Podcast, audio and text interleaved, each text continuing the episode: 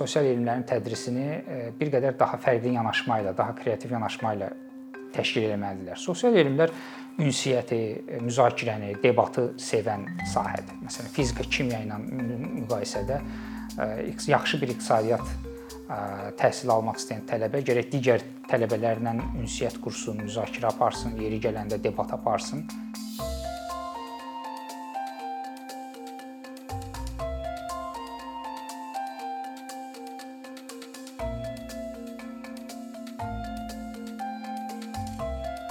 Sosial elmlər başda iqtisadiyyat olmaqla cəmiyyəti daha yaxşı başa düşməyə xidmət edən sahədir və e, nisbətən digər elm sahələri ilə müqayisədə gənc, cavandır və bura iqtisadiyyat, sosiologiya, tarix, siyasi elmlər, hüquq kimi sahələr aid edilir və e, deyərdim ki, e, sosial elmlərin tərifi də bu gün məsələn sürətlə dəyişib. Məsəl üçün, əgər əvvəllər sırf cəmiyyəti daha yaxşı başa düşmək üçün istifadə olunurdusa, bu gün mədəni əlaqələrin inkişaf elətdirilməsi üçün qloballaşan, dəyişən, daha multikultural bir belə deyək də dünyaya inteqrasiya üçün istifadə olunan sahələrdir və dünya görüşünü artırmağa həddindən artıq çox böyük töhfə verən sahələrdir və sosial sahələrin, sosial elmlərin tədrisi də məhz müəyyən belə deyək də meyarlar, prinsiplər əsasında formalaşmalıdır.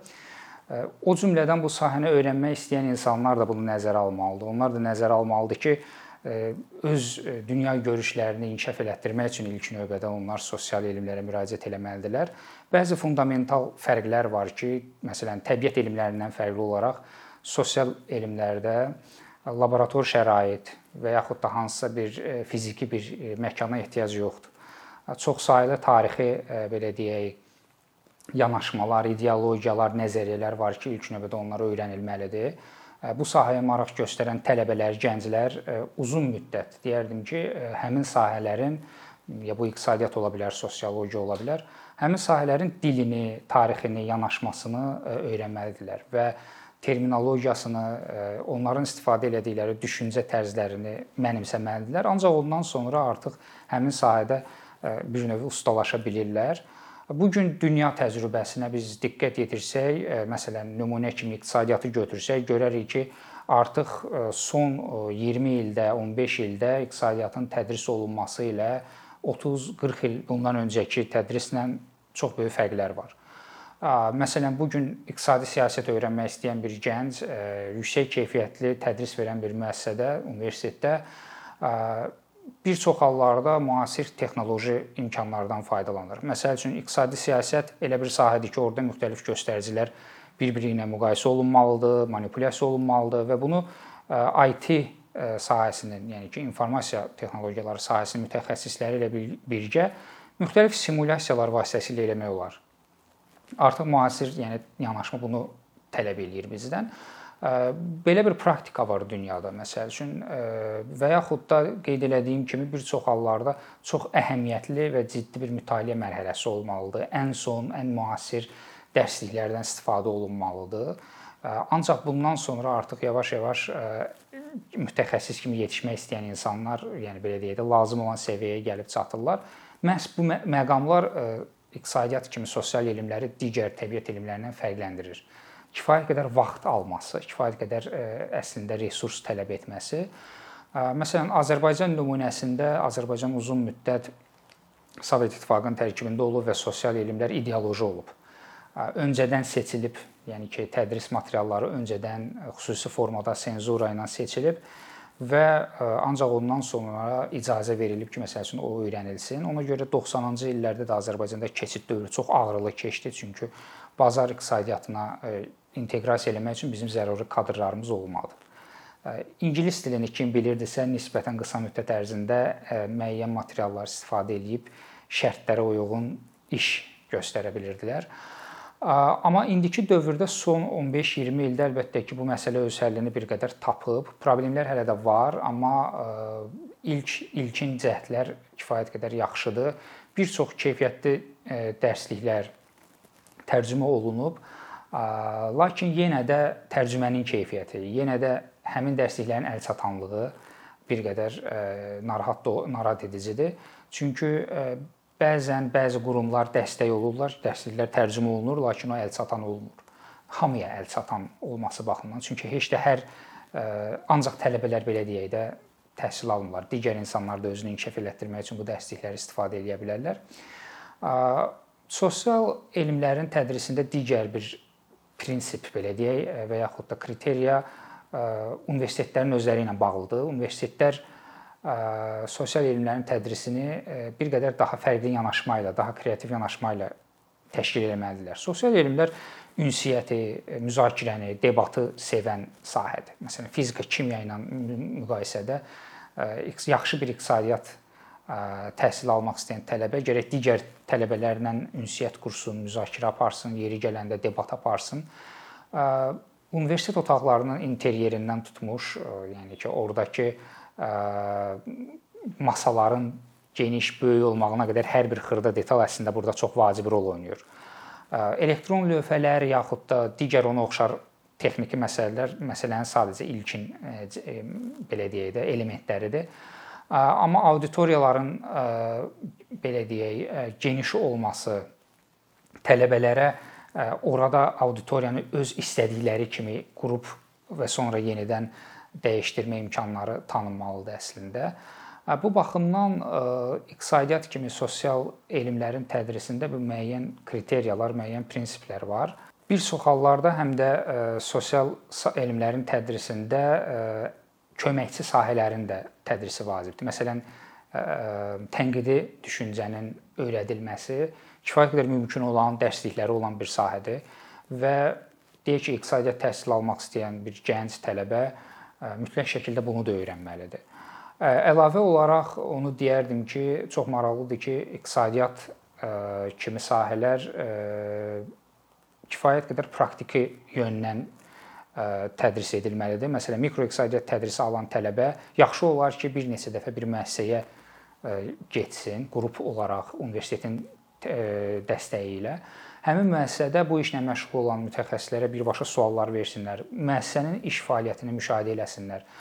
Biz bir çox hallarda bunu görmürük. Yəni ki, tələbələrin müəssisələrə, iş yerlərinə gedib birbaşa müşahidə aparmaqları nadir hallarda baş verir. Təbii ki, olur bəzən, amma bu sistemli olmalıdır. Yəni təhsil sisteminin bir hissəsi olmalıdır. Ancaq ondan sonra artıq biz e, tələbələrin ənənəvi narahatlığını e, azaltmış oluruq ki, bəs mənim bu gün öyrəndiyim e, şeylər mənə nə vaxt faydalı olacaq və yaxud da mənim öyrəndiyim ümumiyyətlə nədir?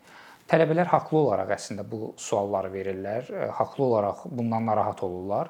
Yəni sosial sahələrin və yaxud da elmlərin tədrisində e, bir çox hallarda tələbələrin özlərindən də çox şey asılı olur. E, təbii ki, universitet məsələn birinci kursdan və yaxud da erkən mərhələdən etibarən sosial elmlərin fəlsəfəsini çox açıq və aydın şəkildə onlara ötürməlidir ki, tələbələr 2-ci, 3-cü kursa gəlib çatanda o həmin o narahatlıqlara qurban getməsinlər ki, bəs mənim öyrəndiyim şeylər mənə heç vaxt lazım olmayacaq. Mənə lazımdır ki, əmək bazarında bu gün tələbat nəyədirsə onu öyrənim.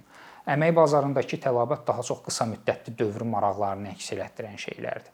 Amma cəmiyyətin uzun müddətli perspektivdəki belə deyək də ixtisaslı kadr ehtiyacını ödəməkdən ötəri addım-addım daha belə deyək, əsaslı oturmuş formada təhsilin təşkili vacibdir.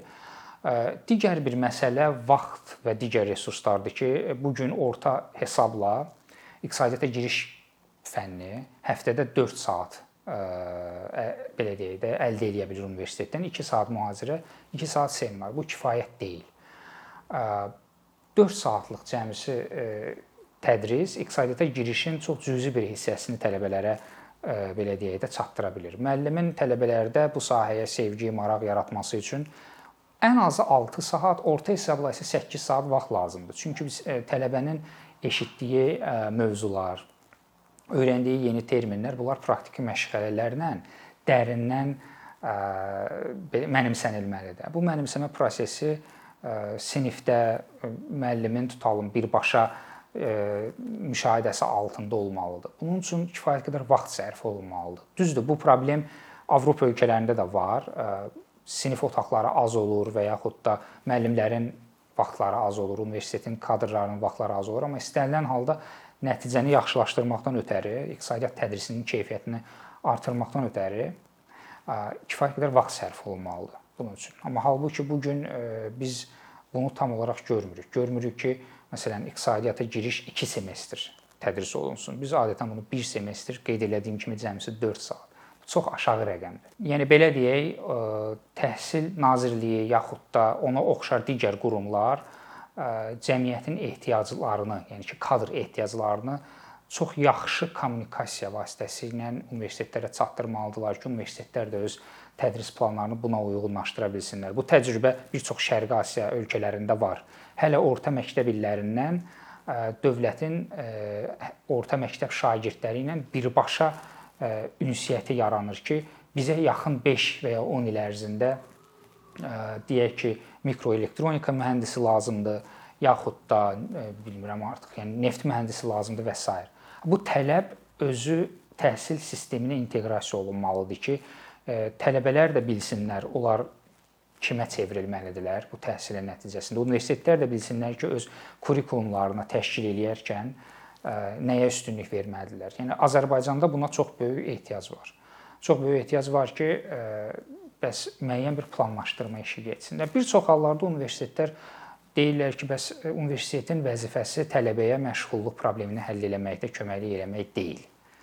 Mənə elə gəlir ki, bu yanaşma doğru deyil. E, universitet iş həyatı ilə, sənaye ilə çox sıx əlaqəsi olan bir yerdir və ona görə də universitetin yetişdirdiyi kadrlar e, yaxın gələcəkdə həmin cəmiyyətin keyfiyyətli belə deyək də əmək resurslarını müəyyənləşdirir.